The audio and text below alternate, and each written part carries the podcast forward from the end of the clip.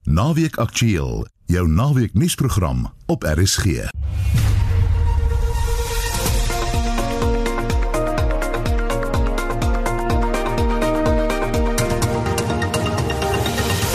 Goeiemiddag in vandag se program. Tieners is traag om in te ent, terwyl nog 'n universiteit inenting 'n voorvereiste maak. Ons praat met 'n kenner. Het jou voertuig spesiale olie nodig indien jy die vakansie 40 grade Celsius gaan trotseer?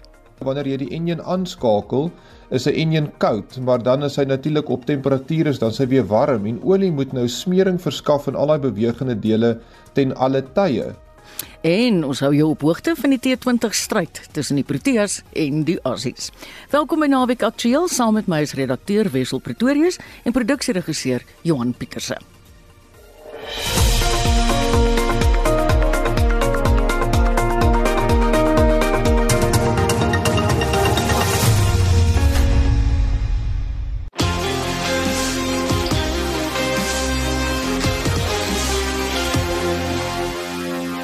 Suid-Afrika se eerste wedstryd in die T20 Wêreldbeker toernooi in Abu Dhabi het pas teen Australië begin.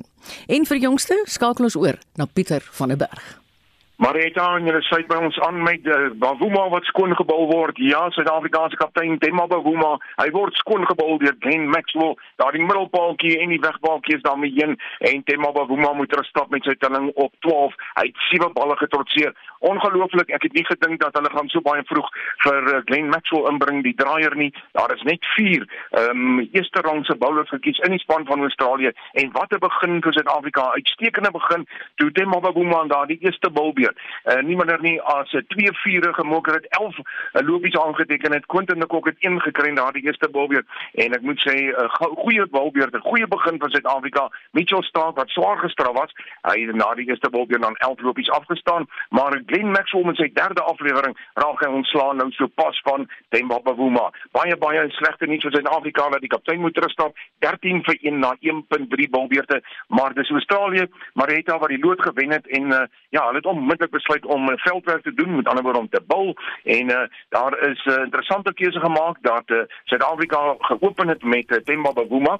Ehm um, daar was uh, aanvanklik gedink dat hy nommer 3 sou kom koop, maar Quentin de Kock, hy's nog steeds daar. Hy's 'n gevaarman. Wêreldwyd word hy beskryf as een van die beste openings uh, in alle formate van die spel. So uh, Quentin de Kock is nog steeds daar en nou sal ons moet kyk uh, wat gaan Suid-Afrika doen uh, met hierdie uh, paaltjie wat so vroeg geval het. 'n Goeie begin, eerste bal weer 11 lopies wat ons aanteken. Ongelukkig met die derde bal van die tweede balbeurt is dit dan uh, die paaltjie wat spat uh, van uh, die kaptein uh, Themba Bavuma. Dit is eers die nuus. Ons gaan 'n bietjie later weer selfs 13 vir 1 na 1.3 balbeurte Marietta. Rassie van 'n Dussen. Hy het hom aansluit by Quentin de Kock en as julle weer by ons aansluit, hoop ons ek het vir julle beter ja, nuus. daarmee terug na jou.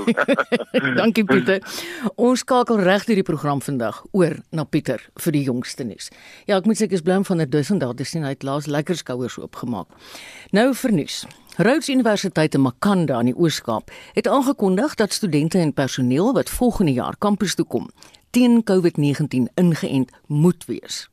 Dit volg op ander universiteite wat soortgelyke stappe aangekondig het. Intussen blyk baie van die land se jong mense steeds traag te wees om hulle self te laat inent. 'n Bron van kommer vir die regering is die feit dat so min kinders tussen 12 en 17 die inenting kry. Die Ramaphosa administrasie se aanvanklike doel was om minstens 3 miljoen Suid-Afrikaanse tieners tussen 12 en 17 nog voor die skoolvakansie in te ent. Die vraag is nou of hulle hierdie doel kan bereik. Ons praat verder hieroor met dokter Kloete van Vuren, infeksiesiekte spesialis by Drie Militêre Hospitaal in Bloemfontein. Goeiemôre Kloete. Goeiemôre Marita. Wat is jou reaksie op Rhodes Universiteit se besluit om nie oningeënte studente op die kampus toe te laat nie? Ek maar net ek dink dit is maar 'n poging om dinge te normaliseer. Dit alle studente vaar nie goed met aanlyn onderrig nie. En en weet uit eie ervaring is daar's my reuse probleme om o, op 'n skerm 'n lesing te gee. Dit vind uit die mm. studente woon ek jy weet hulle rekenaar is aan en jy sien hulle op skerm maar verder weet hulle niks van wat jy gesê het nie. So ek dink dit is 'n poging uh, om die kampus te normaliseer, jy weet. Uh en daar's ander dinge wat jy ook sal na moet kyk om die kampus oop te kry soos ventilasie want ons weet tog nou mm. uh dat die hoofmanier om aan te steek is om lug binne sy in te asem dat iemand met iemand met COVID uitgehaal het. Maar jy weet vir dit 'n langtermyn is opvoeding van kardinale belang in ons land. En uh, sonder COVID was daar reeds groot uitdagings. So ek dink ook in die skole sal hulle alle pogings moet aanwend om dinge terug te kry na normaal toe. Klote, hoekom is die inentingskoers so laag? Lê die fout by die ouers, by die kinders self wat teesinnig is? Jy weet maar net aan my 17 jarige seun het hierdie jaar nou al soveel teleurstellings gehad met hokkie toernooie wat afgestel is, skooltoere. En hy het woensdagmiddag van die skool af gekom en op sy foon geregistreer en hy het so fiets gespring en hy sê weg. En so half uur later terwyl ek vir studente lesing gee, stuur hy myself wie waar ingeënt is. Wow. Weet, uh, en ek weet ek kan uit self daaroor en daar is nie 'n goeie tyd om in te ent nie. Hy het nie tyd nie. Hy is hierdie naweek op 'n kerkkamp. Hy het volgende week uh, dinge aan. Dan kom die eksamen. Dit ons het uh, hier swemgalas en atletiek byeenkomste die naweek aan. En uh, die matriek skryf eindeksamen.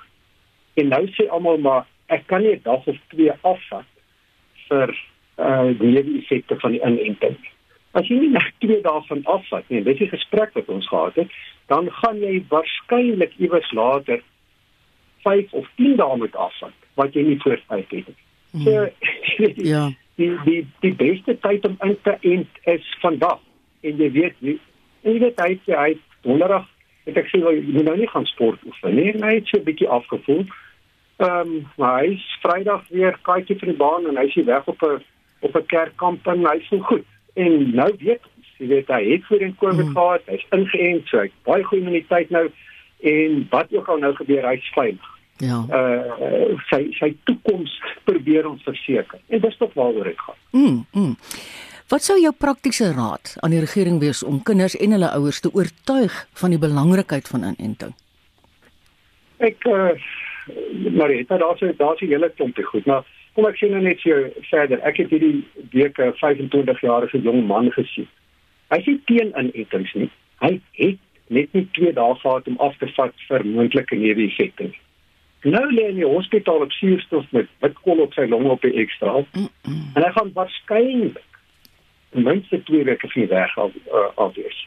Weet en ek dink al wat ons moet doen, ons moet die boodskap aanhou uitstuur al die fopnies wat mense rondstuur met ons aanhou net die waarheid praat ek net die waarheid maak 'n mens vry maar ek het dit my swaar as 'n predikant en dit is een van die goed wat hy sê. Die waarheid maak jou vry. Mm. hou net aan die waarheid te praat en op die ou moet die boodskap deurkom.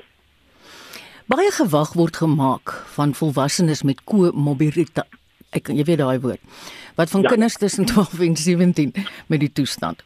Sou hulle kon sterf aan die virus jy weet um, ek dink uit menslike natuur ehm um, dit ons verstaan nie statistiek sommer intuïtief nie dit is baie moeilik om skaars risiko's in konteks te plaas.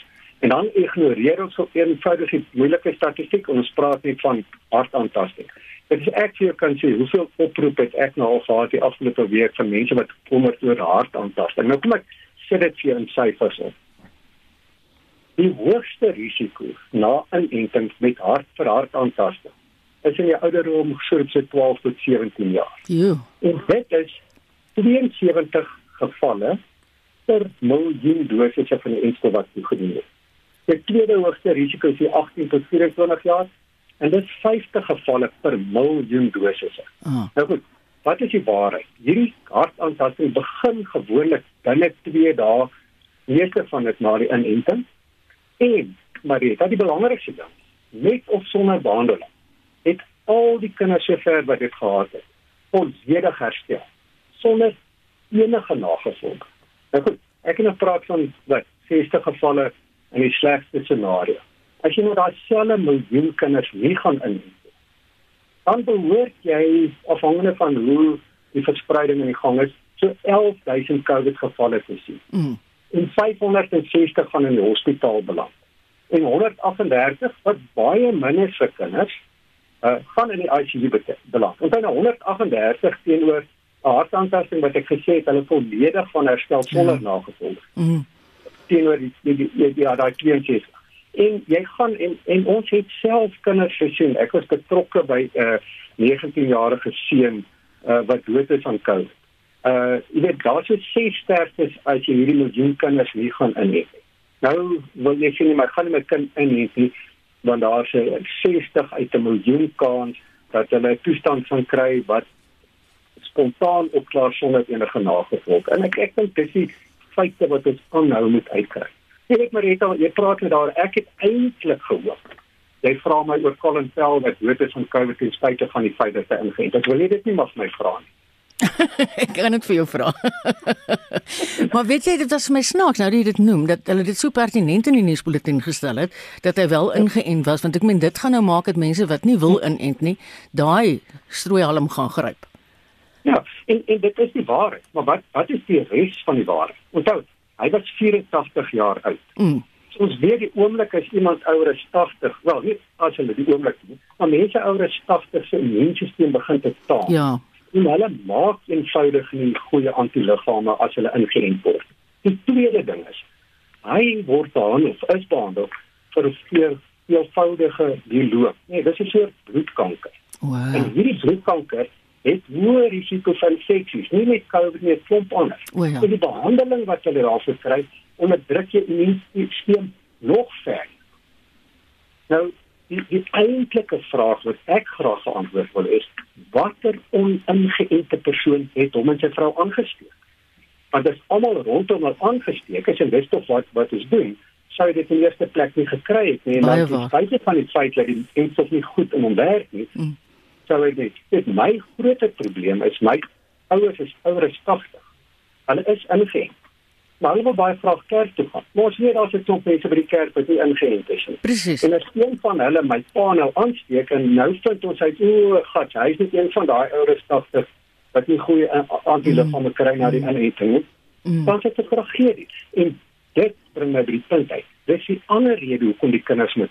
So daar's 'n baie mooi Belgiese studie wat hulle gedoen het waar hulle gewys het dat ouers steek die kinders by die huis aan. Daai kinders hier en daar steek 'n ander kind by die skool aan, maar daai kinders steek hulle ouers by die huis aan. Wat dan of 'n ouma van aansteek wat dan doodgaan, né? Nee. Ja. En om hierdie ketting te onderbreek is die ander belangrike rede om die kinders te laat inhê. Maar hulle doen dit nie net vir ander mense nie, hulle doen dit vir hulle self. Hulle kinders het die data gegee. So daar's twee baie goeie redes vir die kinders om in te hê. Man, ek weet te min van die wetenskap, maar ek glo ouens soos jy, jy's tog 'n kenner en dit is wat jy doen vir 'n lewe. En as jy vir ons sê, luister, dit gaan eenvoudig help, dan dink ek net ons leuke moet dit doen. Jy weet maar ek dink dit is daar weet jy waar daai probleem begin. Ek dink dit was met Brexit. Brexit. As jy onthou en en dit kom nou uit dit was van hierdie Russiese trolle wat mos daai goed gestook het in Engeland waar die slogan later begin raak het. Uh, ek sit nie nog 'n expert opinie nie. Ek sal my eie uh, navorsing doen. En en daai ding het self ons gevat en hierdie hele uh wantroue in enige iemand wat 'n expert is. Uh hierdie wantroue in expert opinie. Ek dink dis die een probleem. Maar die ander ding is hierdie ding het uit onder ons uitgehardloop, né? Ja. En nou dat die wiel begin draai, nou kom ons agter 'n groot klomp van hierdie artikels wat uh navorsing oor invermectin byvoorbeeld is suiwer bedrog. Uh 'n klomp van die ouens wat agter hierdie ivermectin goed staan en is stoot, dis eintlik 'n klein klompie mense doen dit vir eie gewin. Daar's maniere wat hulle geld maak uit, nee. Maar dit vat lank om daai inligting uit te kry. En Mm. uh ja, in die tyd wat dit op die lappe kom, is die perd uit die stal uit en hy hardloop in die pad af Ja. en niemand weet meer. Ja. Jy het nou verwys na ehm um, die nuusbulletins. Seker so 2 weke terug het ons in ons nuusbulletins vir radio verwys na die Suid-Afrikaanse Instituut vir Oordraagbare Siektes se waarskuwing dat die 4de vlaag op pad is.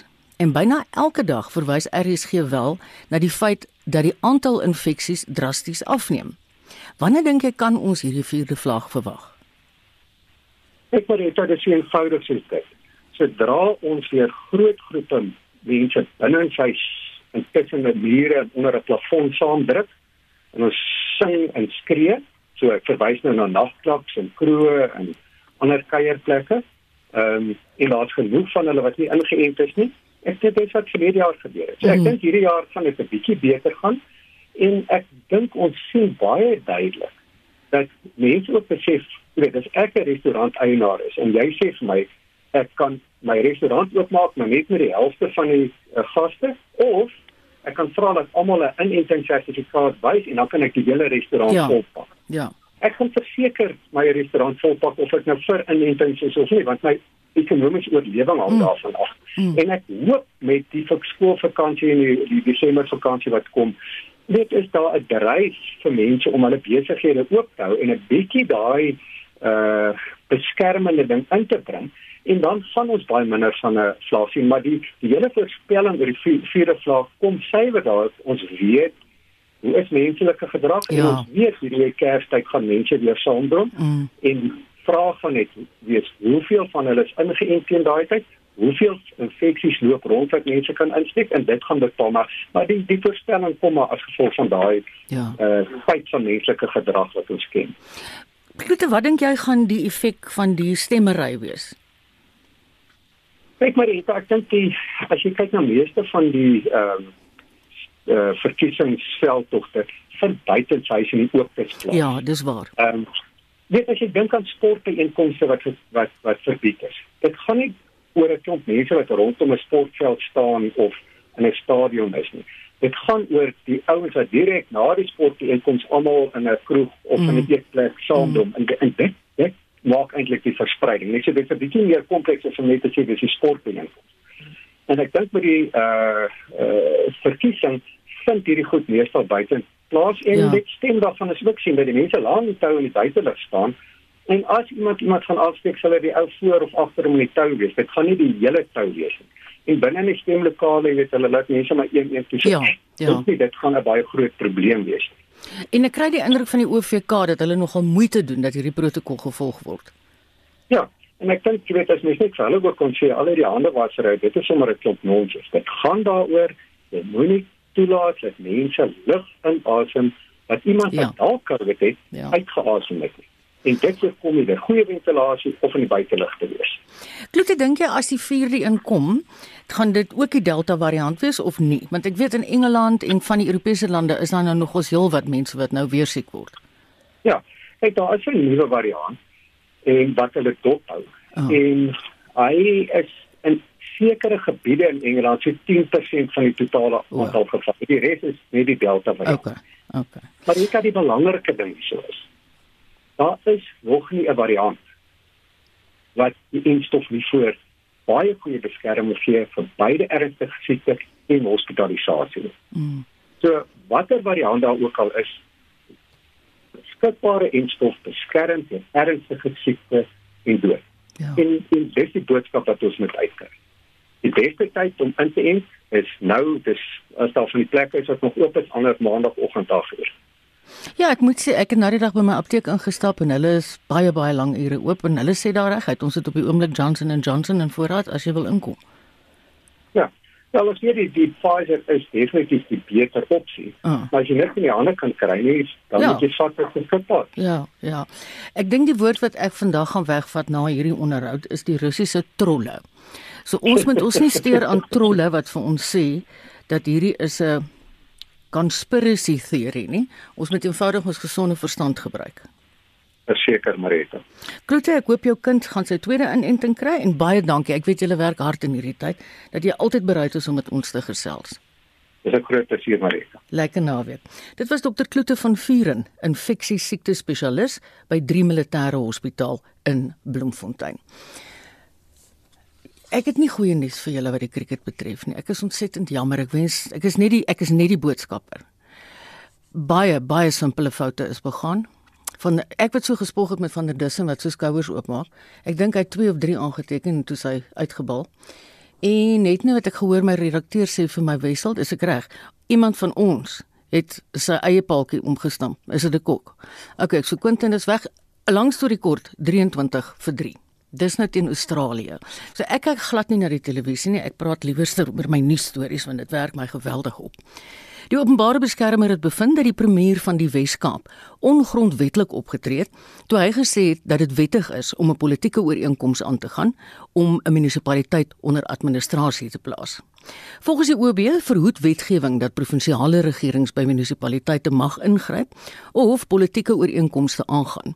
Lila Magnus sê meer. Die openbare beskermer, Busisiwe Mqobane, sê die Wes-Kaapse premier, Allan Windey, het ongrondwetlik opgetree toe hy aan die parlementêre portefeulje komitee vir samewerkende regering en tradisionele sake in Junie verlede jaar gesê dit is wettig om 'n politieke ooreenkoms te hê om 'n munisipaliteit te ontbind. Dit was nadat die komitee hom uitgevra het oor Anton Bredel, die LUR vir plaaslike regering, omgewingsake en ontwikkelingsbeplanning se voorstel in Desember 2019 aan die DA Caucus in die Oudtshoorn munisipaliteit dat hulle stem om die munisipaliteit te ontbind.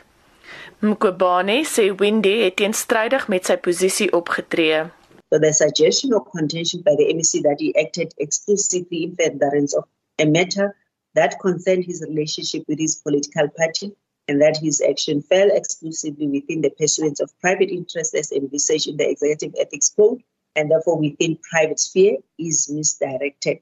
This is also born from his position as a member of the Western Cape Provincial Legislature and on account of having been appointed to public office created by the Constitution as a representative of a political party. Sy het ook bevind Bredal het nie gou genoeg opgetree toe hy gekontak is met beweringe van wanadministrasie, bedrog en korrupsie in die Oudtshoorn munisipaliteit nie. Mkobane sê 10 maande was te lank vir hom om op die beweringe te reageer. Sy het ook gevind hy het ongrondwetlik opgetree en die wet op munisipale stelsels oortree toe hy voorgestel het die DA raadslede in die munisipaliteit stem om die munisipaliteit te ontbind. So the suggestion of contention by the MEC that he acted exclusively in furtherance of a matter that concerned his relationship with his political party and that his action fell exclusively within the pursuance of private interests as envisaged in the Executive Ethics Code and therefore within private sphere is misdirected. This is also born from his position as a member of the Western Cape Provincial Legislature and on account of having been appointed to public office created by the Constitution as a representative of a political party. Bredel se woordvoerder, James Stein, sê hulle het by die media gehoor van die bevindinge. Ons kan ongelukkig nie kommentaar lewer oor 'n dokument wat ons nog nie gesien het of ontvang het nie. Ja, dit sal baie baie lekker wees om die finale verslag te kon gesien het waarna die openbare beskermer verwys in haar media verklaring wat sy aan die media gestuur het alvorens sy enige dokument aan ons gestuur het. Hy het ook die tydsberekening van die bekendmaking van die bevindinge bevraagteken. Ons vind die tydsraamwerk en die besluit om 'n verklaring aan die pers uit te reik redelik interessant. Uh, dit het gebeur sonder dat ons ingelig is en natuurlik sonder dat ons die verslag ontvang het en ons sal reageer en kommentaar lewer op haar bevindinge sodra ons die verslag onder oë gehad het. Mkobane sê sy sien uit daarna dat die bevindinge aanvaar word en haar regstellende voorstelle vinnig implementeer word. Ek is Lila Magnus vir SAK nuus in Pretoria. Die burgerregte organisasie Action Society het hom gister na die openbare beskermer gewend om die regering te dwing om die wysigingswetsontwerp oor strafreg te onderteken. Die proses om die wetsontwerp te bekragtig sloer nou reeds sedert 2015. Die organisasie eis verder dat daar 'n daadwerklike poging aangewend word om agterstande wat DNS-toetse betref in te haal. Action Society se woordvoerder, Ian Cameron, sê die kwessies loop hand aan hand. 300 000 sake agterstand met die DNS agterstand spesifiek. Dit sê vir ons is omtrent 1.2 miljoen bewysstukke waarmee die forensiese dienste van die polisie agter is in terme van verwerking. Dan boonop dit, die PKM stelsel waar hulle rekord hou van bewysstukke is natuurlik ook af vir 'n geruime tyd. So die polisie het nie toegang tot omtrent 8 miljoen bewysstukke nie wat weer eens veroorsaak dat geregtigheid nie kan geskied nie. Hulle het boonop begin met 'n regsproses om te verseker dat die wysigingswetsontwerp oor strafreg onderteken word. Dis 'n proses wat nou reeds volgens Cameron minstens 4 jaar lank sloer. Dit beteken dat daar amper 100 000 skedule 8 oortreders op parol vrygelaat is sonder dat daar DNS monsters by hulle geneem is. Dit beteken dat hulle weer dieselfde oortredings kan pleeg, selfs erger en selfs meer en dat daar geen manier is wat ons hulle kan koppel daarmee nie. Hoekom loop ons hierdie proses parallel met die DNS agterstand? Albei beteken eenvoudig dat een van die belangrikste maniere om seker te maak dat geregtigheid geskied, naamlik DNS, nie op die oomblik werk soos wat dit veronderstel is om te werk nie. 'n Amptelike klag is nou by die openbare beskermer ingedien. Dit nadat die organisasie vroeër vanjaar briewe aan die presidentskap asook die minister van polisie en die minister van korrektiewe dienste geskryf het en onlangs selfs die Hooggeregshof genader het. Die openbare beskermer is een van daardie remedies wat veronderstel is om te kan help. Die regsproses, spesifiek die hofproses, gaan tyd neem en nou wag ons om te kyk of ons wel in die hof gaan eindig of gaan die staat kom en sê maar hierso is die plan van aksie en ons is besig om in te tree. En tot dusver is daar nie wesenlike bewyse dat hulle wesenlike impak maak met die agterstand of dan nou natuurlik die convicted offender amendment bill nie. Die openbare beskermer is 'n remedie wat ons tot ons beskikking het en wat belangrik is om uit te put. Bekkie Cele om vir hom te skryf is soos om vir 'n muur te skryf. Jy kry net absoluut geen terugvoer nie. En laastens as ons gaan kyk na die DNS oorsigraad, het ons ook net geen werklike terugvoer nie en hulle kos belastingbetalers honderde duisende rande per maand en hulle het in die afgelope jaar nog net een keer ontmoet. Hy sê hulle is vasbeslote om volgehoue druk op die regering te plaas om werk te maak van die probleme.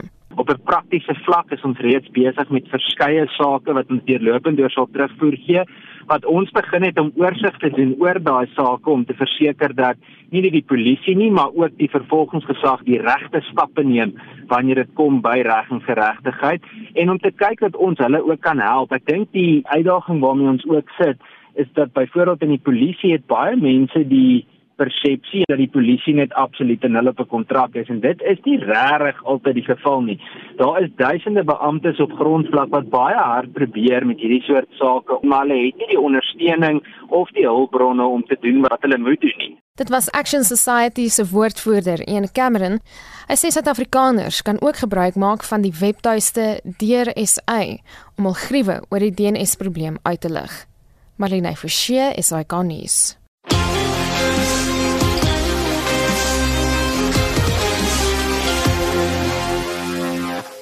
Jy luister na RSG en jy's ingeskakel op die program Naweek Aktueel. Ons skakel weer oor na Pieter van den Berg wat die Proteas teen die Aussies in die T20 Wêreldbeker toernooi in Abu Dhabi dop. Jou vingers is seker opgeëet. Ai ai ai Marita, jy weet, sport is baie positief en lekker. maar nie altyd nie. ja, dis waar, dis baie waar. ja, dis Suid-Afrika wat eerste kolf nadat uh, Australië die lood gewen het. Soos jy sê in Abu Dhabi, dis die eerste wedstryd in die Super 12 en uh, ja, nie 'n goeie begin vir Suid-Afrika nie. Australië die lood gewen, Suid-Afrika aangestuur om te kolf en uh, Suid-Afrika het van die eerste bal weer 11 lopies gemonker. Ja. Mitchell Stark wat baie baie duur was, maar daarna sommer met uh, die intrapslag is dit uh, uh, Josh Hazelwood wat 'n paaltjie gekry het, Glenn Maxwell het 'n paaltjie gekry mm. en Josh het nog een bygevoeg. Ja, dis 39 vir 3. Nou uh, kom ons kyk na die manne wat terug is in die paviljoen. Temba Wuma vir 12 van 7 balle af.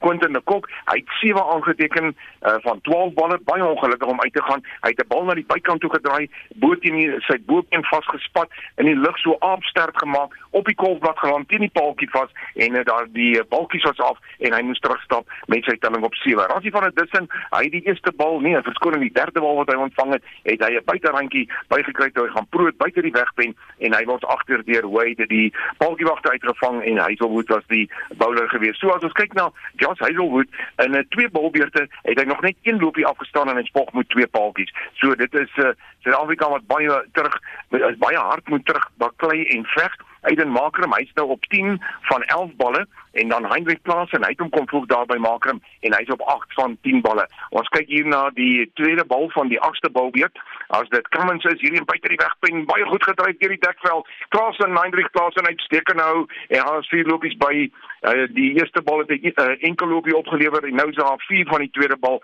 en uh, daar die telling skuif aan na 44 44 vir 3 en dit lyk beter vir Suid-Afrika. Kom ons vertrou dat hierdie twee manne die telling tot hier by 100 kan neem voor ons weer 'n paaltjie verloor en dan kan die die millers van die lewe kom langsdeel in lê en uh, ons moet daarom sê dat uh, daar is al 'n hele paar uh, manne wat uh, die langsteel kan net uh, Dwayne Pretorius is ook nog daar. Ons weet Kagiso Rabada kan ook 'n goeie mm. loopie of twee aanteken mm. so Keshav Maharaj, maar 44 vir 3 na 7.2 bilbeurte. Suid-Afrika is kies vir 3 ja, 45 vir 3 nou uh, na 7.3 bilbeurte. Met Marker op 10 en uh, saam met hom op 13 nou Hendrik Klaasen, maar het al ons gesels bietjie later en hoop ek het vir julle beter nuus. Ja, reg, ja, reg, Pieter.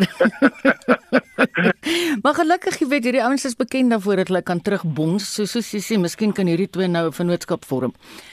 Ek dink ons sal seker so wissel sien net voordat ons groet vanmiddag. Gaan ons weer na Pieter toe gaan, so ons gaan jou nie net in die lug laat hang nie. Jy kan gerus ingeskakel bly, dan hou ons jou op hoogte van die telling.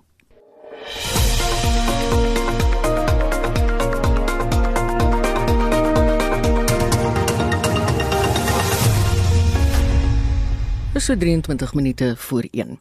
Die 63-jarige akteur Alec Baldwin sê hy's erg geskok oor die voorval waarin hy die kinematograaf Elena Hutchins per ongeluk op die stel van die fliek Rust doodgeskiet het. Joel Souza, die regisseur, is ook in die voorval beseer. 'n Rolprentdosent aan die Noordwes Universiteit, Phil Pretorius, sê hy's verstom deur hierdie gebeure. Volgens hom is daar wapenbewakers op rolpleanstelle wat sorg dat veiligheidsmaatreëls streng toegepas word. Die groot vraag met hierdie spesifieke insident is hoe daar twee persone gewond is.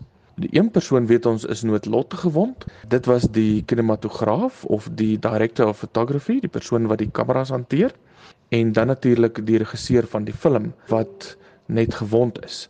So daar moes op een of ander manier klink dit vir my dalk moontlik meer as een skoot afgevuur gewees het. Dit sal ons dan nou met ter tyd seker meer inligting oor kan kry. Maar laat my dink aan twee vorige geleenthede wat wêreldwyd opslaa gemaak het. Die een was in 1993 toe die akteur Brandon Lee en hy was wel bekend as Bruce Lee se seun. Oorlede is toe 'n uh, geweer ook afgegaan het opstel van die film The Crow. En op daai stel was 'n blank dan in 'n geweer gesit en tydens 'n toneel wat vervilm is, is die geweer dan nou afgevuur en in plaas van vorentoe val, het Brandon Lee toe nou agteroor geval en hulle het gedink hy maak net bloot 'n grap, maar op inspeksie het hulle agtergekom dat hy toe nou regtig gewond is en hulle het later agtergekom dat op 'n vorige geleentheid het 'n vorige tipe ammunisie vasgesit in die loop van hierdie geweer en toe hulle later die blanks in hierdie geweer laai, het hierdie ammunisie wat in die loop vasgesit het, toe nou losgekom en hom noodlottig gewond. En die tweede vraatsongeluk waaraan jy gedink het? Die tweede situasie wat mense dalk sal onthou is 'n uh, TV-reeks met die naam van Cover Up. By ons was dit 'n oorgeklankte reeks met die naam van Onder die dekmantel. En dit was 'n reeks wat hier in die 1980s, 84, 85 hier by ons gebeeldsend is en dit is waar die spesifieke akteur van 20th Century Fox se gewilde program oorlede is toe hy grappenderwys Russian roulette gespeel het op die stel en ook met 'n blank homself per ongeluk teen die slaap doodgeskiet het. Hulle het rondgespeel op die stel en en per ongeluk het hy homself doodgeskiet ook met 'n blank. En as gevolg van die feit dat dit so naby is natuurlik is blanks gevaarlik tot en met 'n meter of 2 het dit sy skedel gebreek en stukkies van sy skedel het breinskade veroorsaak en hy is toe breindood verklaar. Hierdie John Eric Hexam wat die rol vertolk het daar is in die 7de episode van daardie reeks onder die dekmantel vervang en hulle het nogal 'n redelike groot verlies gely daar. Hoe vergelyk daardie geval vir jou met hierdie een waar die kinematograaf Helena Hutchins nou dood is? In hierdie geval met Eric Baldwin is dit 'n groot tragedie. Ek dink dit is 'n baie aardige geval wat Alec Baldwin op hierdie stadium dalk nie in 'n baie goeie lig stel nie, maar ons harte gaan uit aan hom want as dit nie intentioneel is nie, is dit iets wat hom op hierdie stadium in 'n baie baie moeilike situasie plaas. Ons kan net dink wat op hierdie stadium in sy gedagtes en in sy hart met omgaan. Ek stem saam met jou, Phil. Dit was Phil Pretoria se rolprentdosent aan die Noordwes Universiteit se Vanderbijl kampus en hy was in gesprek met Anne Marie Jansen van Vuren. In ons weeklikse motorrubriek beantwoord Wessel Pretoria se 'n luisteraarsvraag en hy toets 'n Hyundai.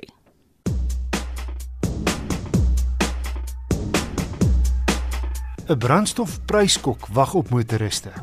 Volgens die AA gaan die petrolprys So sake nou staan met die oliepryse en wisselkoers oor 'n week en 'n half met 98 sent per liter styg en diesel met 'n eislike R1.41 sent per liter. Hyundai het al 'n stuk of 106000 i20 lykere plaaslik verkoop sedert die eerste generasie 12 jaar gelede plaaslik bekend gestel is.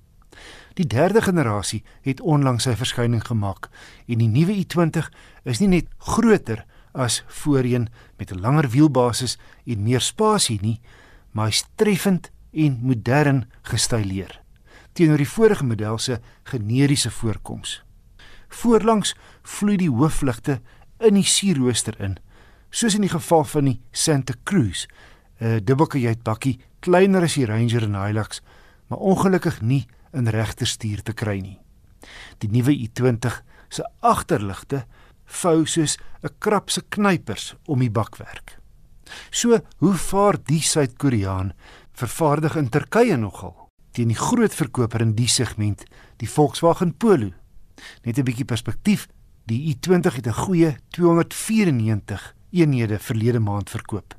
Die Polo 'n massiewe 2257 en is net die nuwe geslag Polo, nie die Polo Vivo nie. Ek het die top i20 handrat model gery, die vloot met misligte voor en 16de alloy wiele teen R333900. Hier's heelwat harde plastiek in die kajuit. Maar dit pla nie. Dis eintlik 'n heel gawe plek om in te wees met 'n interessante en praktiese paneelbord rooi stukwerk op die leerstuur, die ratkierie en leersitplekke as ook subtiel in die ventilasiegate en deure verskaf so tikkie sportiwiteit aan die kajuit. As 'n langer as gemiddelde man is die agter myself sit oefening my maatstaf vir 'n ruimkar. Kom ons kyk. Ja, ek pas wraggies waar agter myself in nadat ek die bestuurdersitplek vir myself gestel het. My hare kielie nie die dak nie en my knie raak net net die voorste sitplekke, maar vier lang mense sal gerieflik in die i20 inpas. Die bagasiebak is ook heel ruim vir die klas met 'n volgrootte spaarwiel heel onder. Nogal 'n alloy wiel. En wat handig is is 'n net oor die breedte van die bak waarin jy inkopiessak en swaan mee kan vaspen. Negatiefs Die bestuurder se sitplek moes eintlik laer kon stel vir die wat dit so verkies. Die middelste passasier agter kry net 'n skootgordel en die agterste rugleuning kan net as 'n een eenheid platslaan.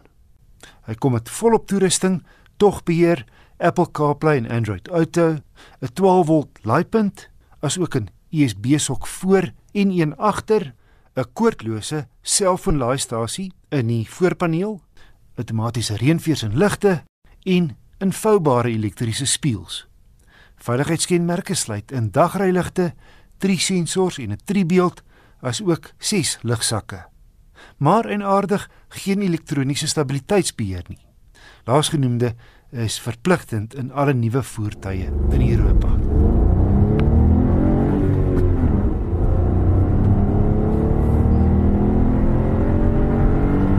Sy 3-silinder 1 liter turbo petrol is 'n juweel, sterk en suiwig. 90 kW en 172 Nm wrinkrag is meer krag as 'n nie aangejaagde 1.6. Boonop met die voordeel dat die krag al vroeg in die toerestrek inskop. En verder verloor 'n turbomasjien nie juis krag hier op die hoofveld nie, wat hierdie i20 1 liter turbo soos 'n nie aangejaagde 1.8 laat voel in Johannesburg. sonder dat jy by die petrolpomp gestraf word.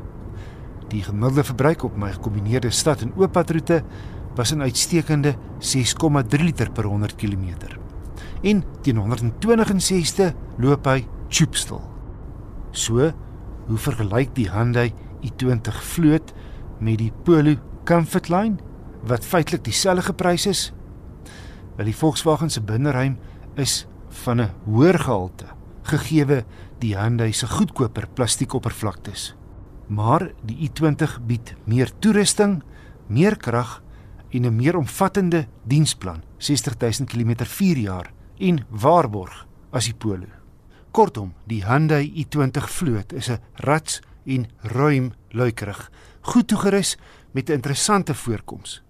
Sy grootste uitdaging is waarskynlik dat daar teen R333.900 'n sweterhiel kruisvoertuie op die mark is. Ek het 'n brief van Herman Gunter ontvang. Hy het 'n navraag oor sy nuwe Kia Sonet wat 5W30 olie gebruik. Hy skryf: "Aangesien ek in Hermanus woonagtig is, is dit weinig warmer as 30 grade Celsius. Ek wil in Desember Appington toe reis en daar kan dit warmer as 30 grade word. Ek wil weet of die olie genoeg beskerming vir my enjin gaan bied en of ek nie die olie moet vervang met 'n 5W40 nie." Soos ek verstaan, beteken 5W wintertemperatuur en die 30 of 40 dagtemperatuur. Herman, ek het jou brief aangestuur na Nicolou, 'n tegniese konsultant en die besigheidsontwikkelingsbestuurder by SVU Gepantserde Voertuie. Ja, Wessel Herman het 'n interessante vraag rakende die viskositeit indeks van olie. Ek dink ons moet net so 'n stappie terugvat en vir die luisteraars verduidelik waarvan praat ons as ons praat van die viskositeit van olie. En 'n goeie voorbeeld is altyd om te dink aan stroop. Nou stroop soos ons almal weet, as dit 'n koue temperatuur is, dan is die stroop baie taai en dit wil nie maklik vloei nie. Maar maak daai stroop nou warm en ewe skielik begin hy maklik vloei en dit raak amper meer soos water. So dis omtrent dieselfde wat dan nou met olie gebeur in 'n enjin, want onthou wanneer jy die enjin aanskakel, is 'n enjin koud, maar dan is hy natuurlik op temperatuur is dan sy weer warm en olie moet nou smering verskaf aan al daai bewegende dele ten alle tye. So 'n uh, hele ruk terug het ons net enkel graad olies gekry. Ehm um, en vandag kry ons nou al multigraad olies. Nou Herman praat hierso van 'n multigraad olie wat beteken hy kan soos twee tipes olie optree, een wanneer hy koud is en een wanneer hy warm is. Daarom ook dan nou daai nommers waarvan hy praat. Daai 10W30 waarvan hy praat het ongelukkig niks met temperature of Celsius te doen nie. Dit het te doen met die spesifikasie wat bekend staan as die SAE J300 spesifikasie van viskositeit indeks van olie. Nou daai getal wat voor die W staan is die winter spesifikasie. Die temperatuur wat hulle toets tydens daai spesifikasie is -18 grade.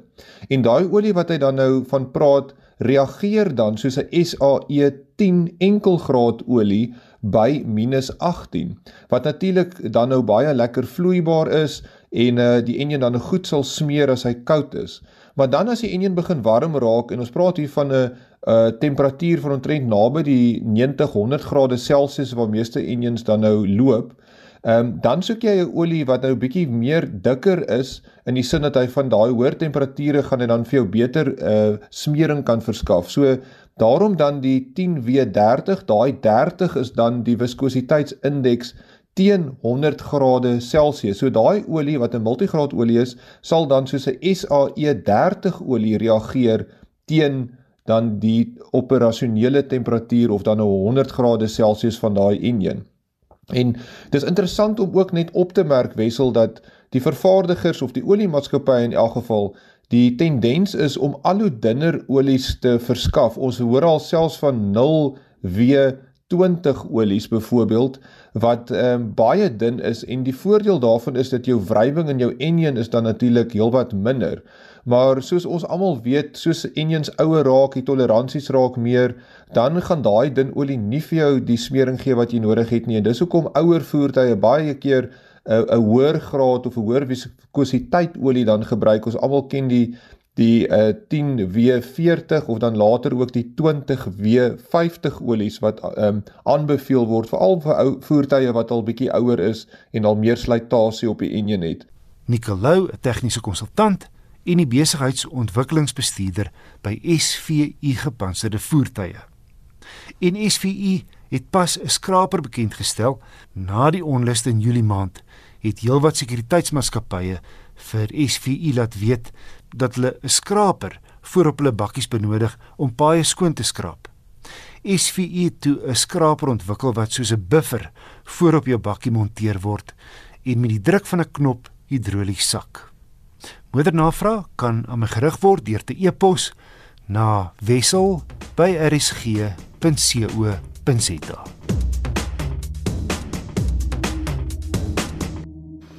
Facebook beplan om minstens 10000 mense in Europa aan te stel om te begin met die ontwikkeling van 'n sogenaamde metavers of multi-heelal.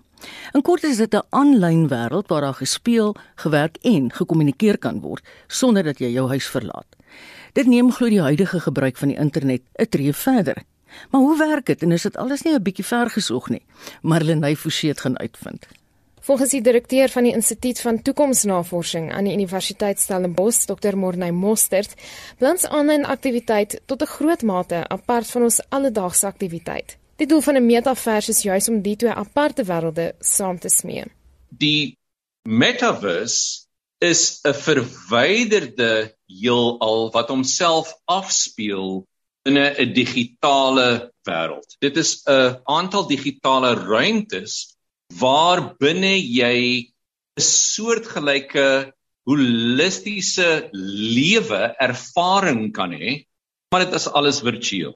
Hy sê die konsep is hoegenaamd nie vergesog nie. As jy dink aan dinge byvoorbeeld soos virtuele realiteit, aangevulde of verbeterde realiteit bestaan die tegnologie eintlik reeds. Daar is primitiewe voorbeelde reeds van so 'n tipe metaverse as jy dink byvoorbeeld aan platforms soos Second Life. As jy net dink aan die speletjies wat jou kinders speel in eerste persoon of derde persoon formaat, Uiteindelik beteken dit dat die gebruiker die vertrek waarna hy of sy leef nie hoef te verlaat om aktief deel te wees van die samelewing nie. Jy sit daar in jou vertrek en jy voer eintlik 'n bestaan in 'n digitale omgewing. Jy het daar 'n avatar wat jou verteenwoordig. En wat Facebook probeer sê is dit kan toegepas word nie net vir entertainment doeleindes nie, maar ook vir hoe jy inkopies doen, vir hoe jy sport beoefen. Ons sien alreeds die ongelooflike groei in e-sport. Dit gaan bepaal hoe jy verhoudinge aanknoop, hoe jy universiteit toe gaan of skool toe gaan. 'n hele heelal wat uitgeleef kan word in 'n digitale omgewing. Volgens hom gaan daar onvermydelik werksgeleenthede geskep word wat nog nooit bestaan het nie. Ons advies aan organisasies is om seker te maak dat hulle nie eindig in 'n toekoms wat namens hulle ontwerp is. Facebook begin om te antisipeer die volgende evolusie van die internet. Kom ons sê jy beplan om te trek na 'n ander land.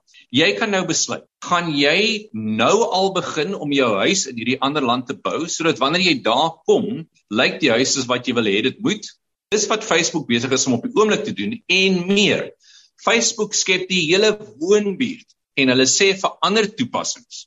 Jy kan hier in ons woonbuurt vir jou 'n huis kom koop wat reeds deur ons ontwerp is. Facebook is besig om die toekoms self te ontwerp. Hy waarsku egter teen verskeie moontlike risiko's.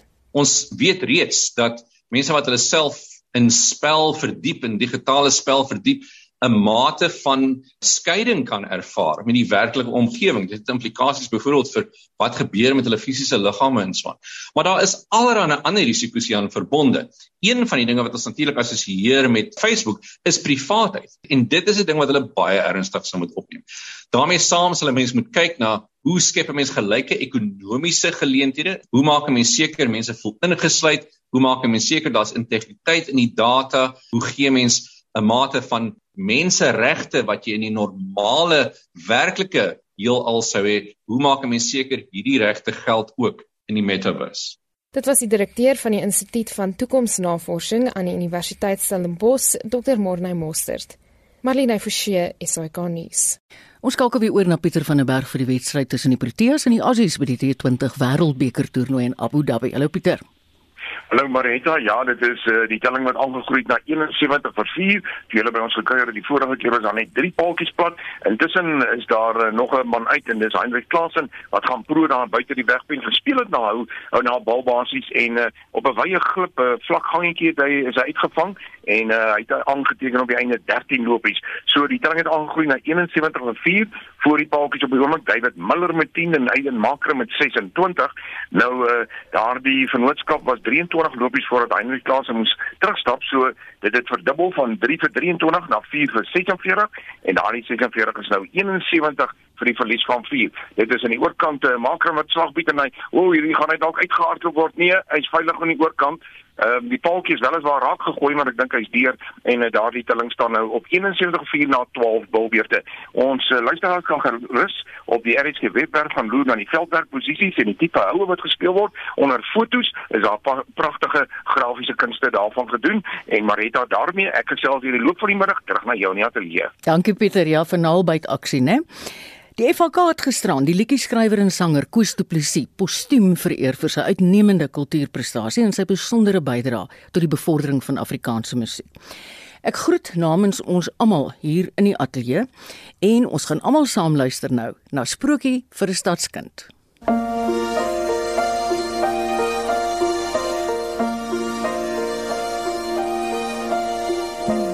As die reën van stof en roet verby is. En